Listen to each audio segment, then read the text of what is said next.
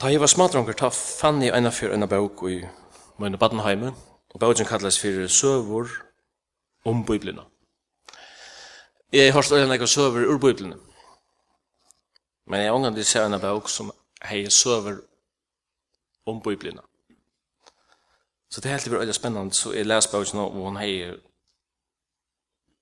Øyla nek var hendingar ur Englandi og hei nek vita enske bøybna gjerra.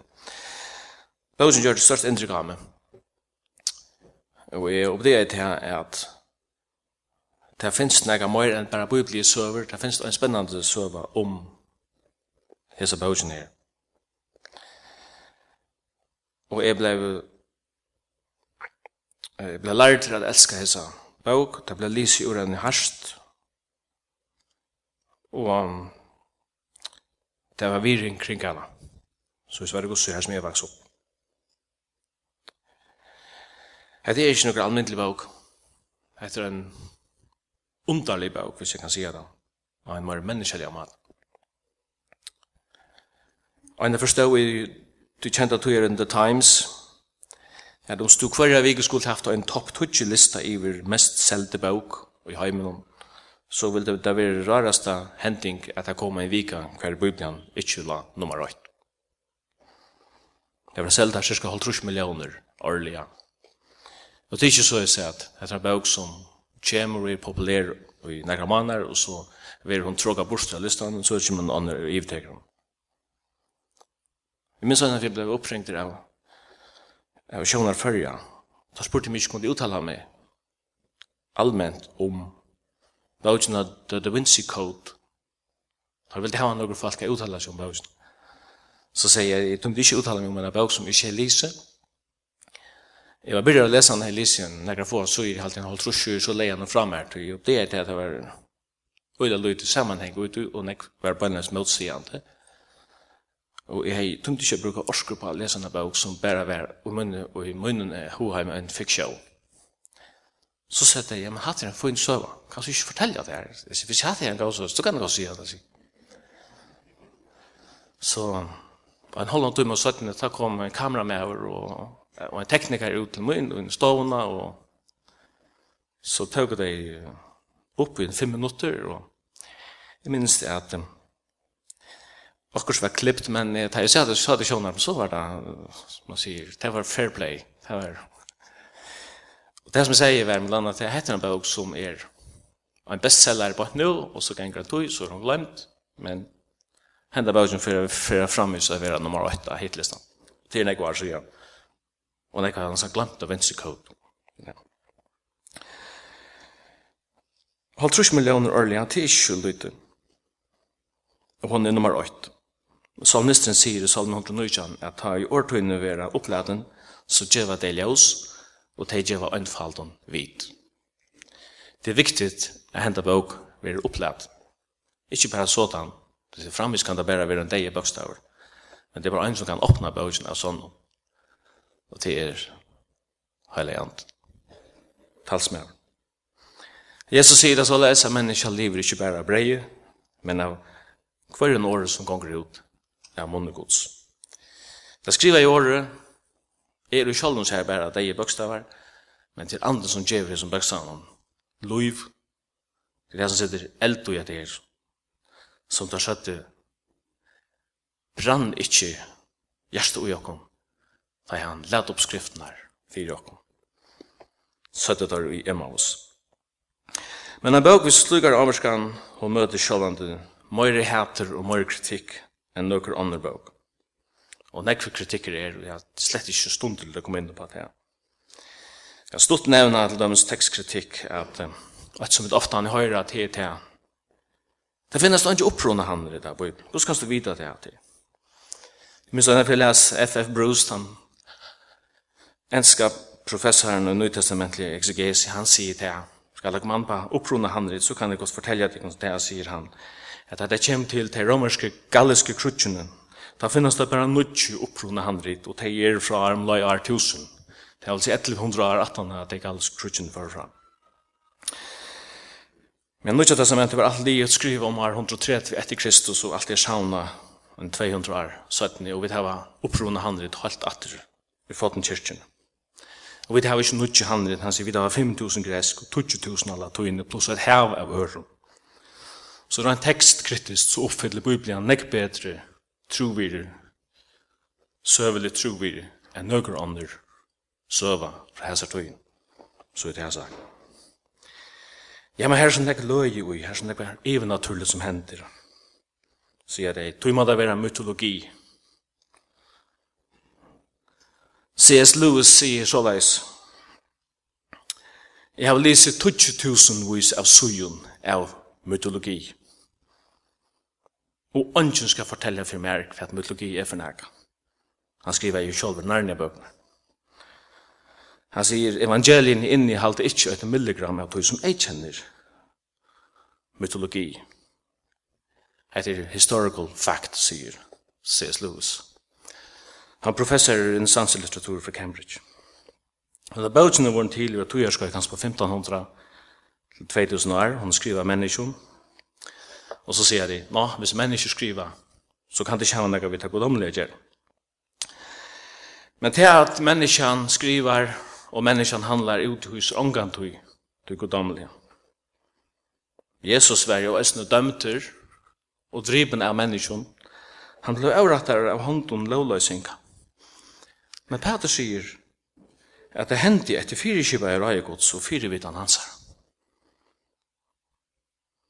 Guds fire kiva er er alltid oman fire menneskjans handlingar. Det var stekkan han var trobult for ikke å si at det er umøyelig for okken er forstanda det. Og henne bøkene skriva av mennesker som er ætlun hugsandi og ætlun avhugsandi omstøv. Jeg leser til dem så i brev, i Filippe brev, så stender her. Gledes i herran hon alltid, at det sier, gledes, milda tikk, synne tikk her, vettel menneskjen kunnot, herren er nær, stor ångon fyrir. Læt jo ötlen til at du ikke kommer fram for god og bøn og akkallan vi takk. Så skal frier god som styr opp alt vid vervet av hoksan gjørstikk her, og Kristi Jesus.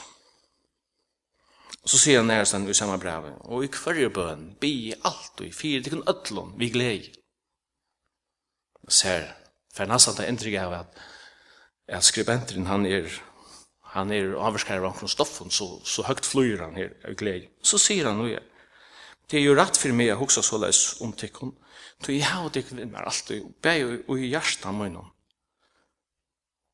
och i lunchen min men har den sitter Det är löj. Det är inte att omstöver ska det kanske least och fäcknast. Men han har alltid en glede som var, som ikke var av hessen heime, og en fri som ikke var av hessen her Og selv om mennesker kunne berøve han for frihet og sperre han inne, så var anden frier. Så det er en ære bøk, så skriver en annen forfatter i bøkene, men det er forhyttet at alle som jeg gjør det, så sa jeg at alt var farfangt og ettersøkende etter vind. Og ikke hva råkens forvinning. Predikeren 2 sier, han sier, han var løtter av løven, han var kjetter. Jeg sa at menneskene, menneskene har bare strøy og møye, og alt er tomløy og farfang. Her er mennesker som er i alvorligere depresjon, som det fyrst til. Han må i minsta leie sitt i fangsel. Men han sier i første kapittel, er prædikaren, var konger i Israel og Jerusalem. Ok. Her er ikke almindelig litteratur. Leser du Nødja Testament, så sørst du at det er størst sambindingarlig i middelen gamla og Nødja Testament. Du sørst at apostlene fører ut og tar prædika i ut fra skriften og tar var det gamla testamentlige kanon. Tar prekva ut fra skriften tar samført ut fra skriften men tar det ikke Nødja Testament. Men skriften er hatt lov og tar kraft ut. Og i ölter, og i alder opplevde man jeg kallar det kristen kristen høytena, hvis jeg kan si det så. Den danske filosofen Søren Kierkegaard sier det er større måneder mellom kristendommen og kristenheden. Det andre her vi åpenbering av gjerra Hittir jo bare vi religion av gjerra Vi alder var kristenhøyten et religiøst maskineri. Men de tømt for veriligt andaligt innehalt. Man har bygningene, man har godstannasene, messene, symbolene, og man har liturgiene. Men hva er den livande sambandet vi hin krossfesta og opprystna mannen ur Nazaret? Man var velster i religiøsen mjørskatås. Og det var bruk for en rødt som sier, atter til Kristus, atter til skriftene her, og atter til til livande trunna. Men ein kvar som reiser seg mot det til deia religion, man roknar vi til å betala en frys. I 1300-talen ta sett en unger dronker av universiteten i Oxford og leser til latunske Volgate-biblene. Han ble så hodtidsen av påskapen om fria frelse og nøye ved trygg for øynene. Hessen dronker kalles vi John Wycliffe Og han fann lov i tjøkken årene, men årene var latin, som han kjente, men det var ikke mal som vanlige folk skilte. Bibelen fanns ikke enskånd, og prenskinster var ikke oppfunnet. Mange tog det ikke å lese. Han tog seg vi leierne, da kyrkjelige leierne, om å få lov til å omsette Bibelen til engst. Men motstod han var øyelig. John Wycliffe var spottaver, nyergjørder, og han fikk vite til at skriftene er for høyleier til Jeg skulle vannhalgast vi har omsett til almindelig mal og kjiven til almindelige falskjennom. Bare tanken var blasfemisk. Men det var en eldre som brent jo inn, og han får allukavall om til at omsette. Og prætika. Og ringene brøddes i vatten. Folk lurte i. Og det hendte en, en vetsing i England. Og det brøddes i over til Europa.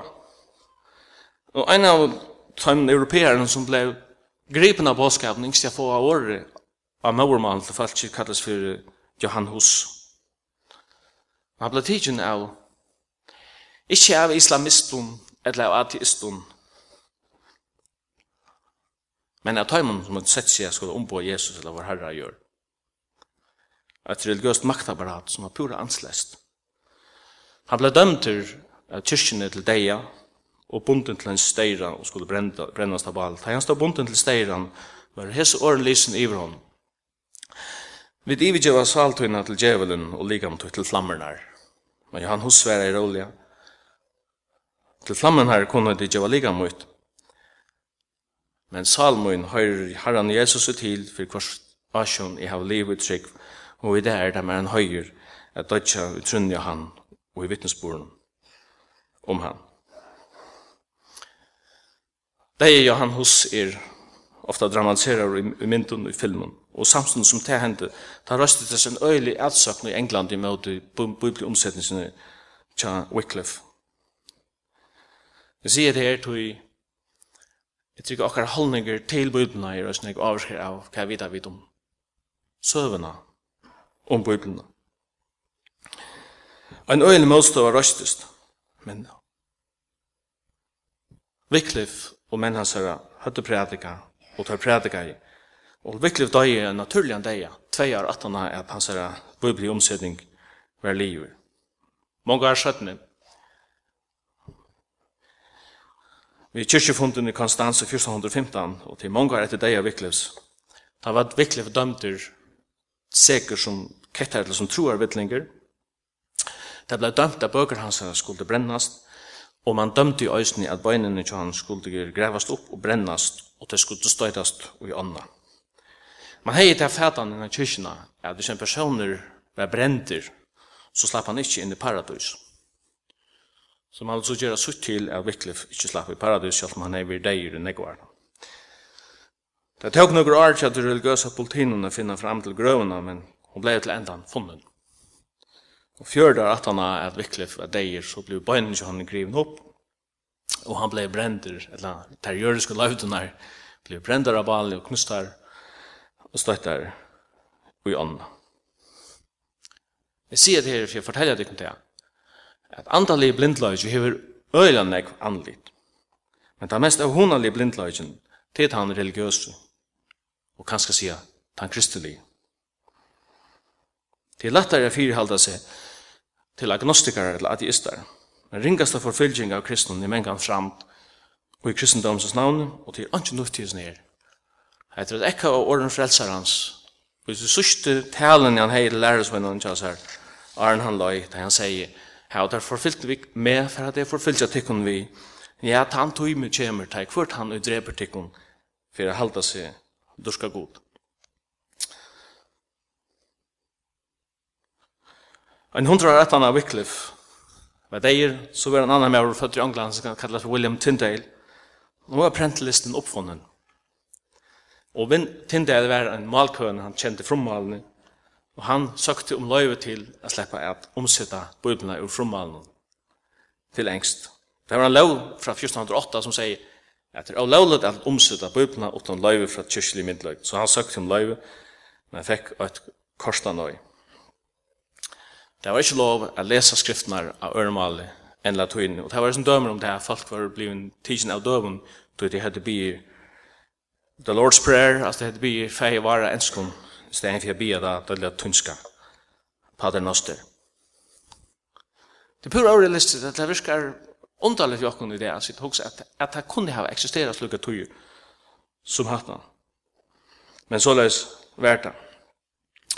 Men Tindel arbeidde i England, så arbeidde Martin Luther Hinemann her Hinnemann av brettske kanalen i europeiska mainland, men øysene brente for hesson, er flytta at av høylige skriftene her iver ut av turska mal. Men Wycliffe tar det ikke fram fram i omsetningsna i England, så han flytte iver til europeiska mainland og begynte at omsette her. Og i 1526 har han omsett, og som nødja testamentet under Gavella til engst, og til året bliv nøkker etla nekk antuk smukla ur Meilanden iver om Ermasund inn til England og i middelen anna forretningsgøss og tunnun og sånne gav det smukla iver og England fikk for første fer skriftene prenta ja altså en egna mal men det er også en hundalig motstå i motstå nere ikke fra ateistun men fra myndelagnum og Tansdal biskopen i London stod av åtta fyrisen her. Man får ut och att konfiskera alla tindel biblier som funnust och ta kvädra dem. Då man har sett sig för att utrota allt det här. Och i februari 1530 tar för en allmän bibliebränning fram utanför The St. Paul's Cathedral i London. Det är underligt att huxa sig här. Det som är en av stoltlöjden arkitektonisk stoltlöjden tja, öllsmån där ska ha varit karmer om bibliebränning. Vi förbinder bibliebränning vid satanistar og, og slukka kulter som det. Men det er altså brenda bibli utanfor St. Pauls katedra, rituell biblibrenning fer fram. Og i nokre år siden ble Tintel fengaver i Belgien. Han ble dømt til deia, bunden til en steira. Men han ble strangulert, han ble kvalter og eldersett rå han. Så han ble brenter. Sørste år hans her av året Dear Lord, open the eyes of the King of England. Og fa er søttene ble Bibelen leisgiven, hvis man kan si det så. Hun ble utgiven av enskon, hun ble autorisera. Og mer enn 90% av tog som søttene ble kallas for The King James Version er faktisk omsettingen til Tindale. Og det året som ønskene ting lei grunden er under den nekko vetsingen som England fikk i 600-tallet, jeg trykk vi tog, i mye mening og ser, alt det som jeg har lyst, at det hender ønsken vetsing utan en bibelvekinger. Det fylgjes det. Året leir grundnar under det som England kan oppleve under 1600-talen, under John Bunyan, les Pilagrunsferna, sikkert tog mer andan fra hessar togene som jeg tog som. Østene i 1600-talen under Westley og Whitfield og så videre. Bibli Møstovan hei tappar det han øyne fronten, men han held fram av en øre fronten. Strategien er brøyt, men enda, enda malig det samme til å teka året fra folkene. Og der brenner man ikke bøker til til pura og kultivera, til å menta å brenne bøker der. Men man kan så gjøre det, teka bøkene eller teka ordet fra folken av en annan hatt. Sættene kom ut inn i opplysningartøyene og sier sånn til talen. Og Bibelen kom så under såkallet moderne, ja, visendelige gransking. Vysende skal vira sier vi til rett. Men vysende har sine fire tredje arbeid ut fra, Og til er nekka grunnleggjande treiter som kan uppfyllast til at nekka kan metast av vera søvelige satt. Og det blir kanskje litt som det tekniske skjer, men så jeg prøver det, men prøver å konsentrere seg. En av de visendelige treitene som man sier, det er vi kallar for kausualitetsprinsipp. Det mest er for at en hending kan gåttakas for å være søvelig som, så skal det være en logisk årsøk innenfor kjentar karmar for naturlover, for at det kan gåtegast for å være satt rønt søvelig. Et annet prinsipp er for at det kan ikke kan være satt er såkallet immanensprinsippet som sier at en hending er ikke søvelig sånn om hun viser til goddommelige eller metafysiske årsøker. Ut fra en kriterium kan du godt slå fast på en av veien Jeg største parser av Zerbaudjan kan du skrotta på en vi. Hon kan ikke være søvelig og sånn. Ikke ut fra hæsen kriterium. Men er hæsen kriteriene rødt? Finns det ikke sannløy utenfor det såkallet kausalitet eller manensprinsipp? Hvordan får vi vitan som mennesker? Hvordan får vi kunnskap? Vi får kunnskap først og fremst på tvær måter. Vi tjekk noen okkara sanser. Det kallar vi det ordentlig for empiri, eier og øyre. Og så får vi eisen jo utjøk noen tanker til logikker. Til dømes en, en empirisk sannhet at du er her i dag, i suttje det du er her, og til en logisk sannhet at du ikke er i London eller København, du er du kan spørre over øynestene sen. Så til en empirisk sannhet du er her, og til en logisk sannhet du ikke er ære Så det er arbeidet vi, så bruker vi et høtte og fornuftene. Og jeg kallar det empiriska fyrir A, vitan, og det logiska fyrir B-vitan. A og B. Hatta er det som det naturliga menneska arbeidet fra. Bibelen brukar året den naturliga menneska. Det sjeliske menneska stender ut i danske tøyen. Men det finnes et annet slag av kunnskap som Jesus predikar. Det ligger en nivå C, og vi kallar det for åpenberingskunnskaper, eller åpenberingshandlegg. Det kan stå ångan du få, bare av nivå A og nivå B. Så det forutsetter samband og oppenbering fra heilige andan. Det er en tria kjeldan til vitan. Sansener og tanken er neiver og gagni i fyra okkur. Men vi røkka aldri en skaparen bæra vi til naturliga menneskene. Og god frøy i det, så det som hon vil definera fyrir okkur og omtala av universiteten og det, er i verlagan menneskjans tankar om god. Den danske teologeren Nils Ole Vigilius, som er mange er rektor av Dansk Bibelinstitut, han kallar dette for teologi nedenfra, mens virkelig teologi er ovenfra. Og ta flytet ut dyra nivå seg. Men Paulus sier i fyrra Korintbrev, hendan visdomen hever hesen heimer ångan kjent, og ångan av herren og hesen heimer hever kjent hendan visdomen. Du, den naturlige menneska teker ikkje vi tog som har andre gods til, kan ikkje fæta det, du det hever dømt andalig. Teologien nedenfra byrja vi menneskene og enda vi menneskene. Medan teologi ovenfra, for jeg bruker årens evangelius, teker utgangspunkt i gode sjálvun og hans herra sjálvsåpenbering fire menneskja. Ta flytta vi dokken inn i en halvt æra ver, en halvt æra sver. I fyrsta Timotheus har han lesa vi om god, et eller annet, stender, han øyna hever av deg i løyka. Han bor i en ljøs som ønsken kan komme til. Han som ønske menneske hever seg, og ønske menneske kan suttja, honom tilhøyrer, høyr og evet valgt, Amen. Det stender her egentlig at han er oatkommelig. Det han bor i en ljøs som du ikke kan komme til.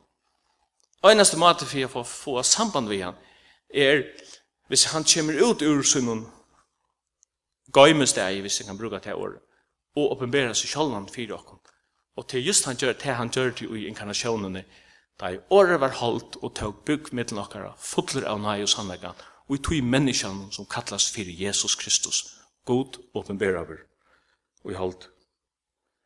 Han er også at komelig bæra vi empiri og logikk øyna, men han er åpenbæra seg i menneskene, Jesus Kristus. Vi flytter oss fra A og B og Ibra, nivå C, og i åpenbæringen. Og det er akkurat det som hender i Caesarea Filippi ta og i. Jesus sier vi lærer sånn, hvordan sier folk mennesker sånn å være?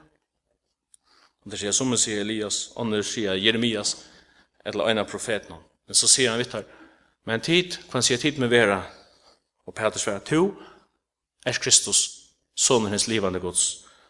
Og Herren svera i honom at Sæler er stu Simon, sonen Jonas. Du holdt og blå hever ikke, så kommer det, åpenbæra til dette, men feir min som er i himmelen. Vi er i A, nivå C. Holdt og blå kan ikke opp, men feir min som er i himmelen. Og i nødja testamentet leser vi om en mann, som gjør det vatten til vøyen. Han tjekka vatten om, og han reiser opp at det fra deg, tre av deg. Og vanlige søvelige kriterier sier, det kan ikke passa, tog naturlovene er jo absoluttar, og det kunne omgang det settes utgilt. Og for jeg bygger en brygg for middelen moderne er vysende og moderne er godfrøy, så har man produsera en nødjan Jesus, som ångte vil kalla for tan søvelige Jesus. Jesus Den søvelig Jesus til er, tan Jesus som velger tjekker, og det var det som velger hent. Vi har så stått for Jesus her, vi er gjerra, tan søvelig Jesus som er det som velger hent, og så har vi et hit som evangelien forteller oss som er den teologiske eller troaren av Jesus. Det er ikke vi åren åren, vattnet i kana blei ångan ut til voin, til det er omøvligt. Vatten er jo bare brent og ilt, det er jo tvei en simpel kemiske formel, og voin hever sikkert en lengan kemiske formel, så vatten kan omgang det blua. Tui naturlovner er absolutt Men, til en gav søva som stendur og brittle pikana, så til er rom til er skilja hva du i evangelisteren, i verlegan rundt jeg fortelja okken, rundt myndalia etla, en sannløys i en øren plan. Så les tåsar, det søve kritiska, evangeliet og den liberale godfrøy. Og hatt en annan måte å tenke skriftene fra folk. Det var godt, eller det var veldig brutalt, men det tås vi bant ut fra hjertan, et min hu ærlige mening. Båskaperen om oppresten Jesus her, sier som, ja, han røyst ångan opp fysisk, men oppresten er en fantastisk søva, Og vi kunne tolka det såleis som at tankar liva entan det og det. Og så er han livande enn i midtlokken i det. Og på handamaten er jo bæg, kunne sige, så er jo bæg Sokrates og Elvis Presley øysen livande i det, hvis de så det skulle skilja. Men vi trykker på en av fysiska upprøysen, da stender det tror jeg råkne, opprøsning ligamsins, løy og jævr. Vi der at du være så skal du ha et navn ut i visnelig heimen, så er du nødt til å bodja knæ for hette slæget, av visen, visende som er teologi nedenfra og ikke kjenner til åpenberingshandlegar. Tøy ta det dømt andalige. Og nærmere til teologisk fakultet i Vesterheim der undervisa og i godfrøy som er teologi nedenfra som byrjar og enda vi menneskene. Det er her man fer teologisk embedesprekk og her var skolan man tar kommande salar hiran her. Og frukten er her etter. Kyrkjene i Europa det er standa gapande tomar. Og kristendomen har vært i mange, mange år og i fullkomne frugen fattelig på okkara parti av heimen. Det liberal godfri har tidsi året fra menneskene, urslig det er tom gjørster, tom bådskaper og tom kyrkjer.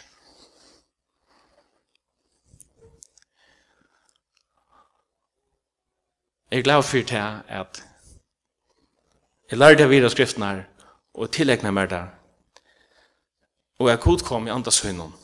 Og kan man lega møyre, enn bare deg en kunnskap. Men livhandlig åpenbering. er åren var opplæden djeva deg ljós, og det djeva anfallt om vid. Jeg vaks opp i en heim her, det var nekva boiblir, så det var ingen underførsle, kjolte om jeg angad i, fyrir jeg var etter gammal, 80 81 boiblir personlig. Men da jeg var 8 år gammal, ta minnes de at jeg fikk han, fikk han nødja testament. Jeg gikk i sundagsskolen i Klagsvøk, og vi var, jeg var som jeg var på sundar i halt og tar yngste drøngjener, her var i mittelen tar, tar yngste drøngjener. Og en dag jeg minnes sundagsskolen kom til Moin, og han var ærlig med nødja testament. Da kjørte det et øyelig størst inntrykk av at han tømte for ære mer og en åtta år gamle drøngje av nødja testament han uh, läraren söndagsskoleläraren som jeg har nämnt att Paul Ferrer och det var han som gav mig detta nya testament. Det nya testament har vi gått att lära. Vad heter det? Jag har lyssnat ut en slit. Men alla alla sjöna är hela. Tog du ögonen kvar med. Tog jag tänkte han ma såg när gå ut till att tog man meg til. det. Er engster av sex session eller jeg var, kan man si, at sjåan de er yngster enn, men det er ikke alle løyve, det er seks ikke. Og da jeg var etter være gammel, ta hentet han sorgarlager at han eldste på ikke med døy av vannlokk. Han var 16, han var 16 år eldre enn jeg, tjej i tjo. Og når jeg der at han er gjerrig fyrir, takk om mamma min til min. Og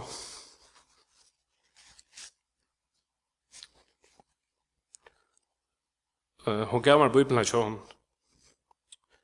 og sier slå igjen. Så jag fick hem den första Bibeln.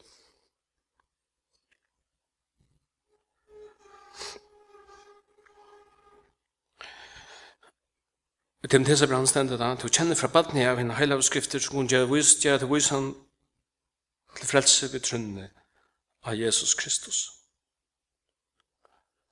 Jeg vet at det var nekt hos om å trygg for det, og nekt om dette er være tryggvande, til finnes i ørtan, men jeg får enda visen her til.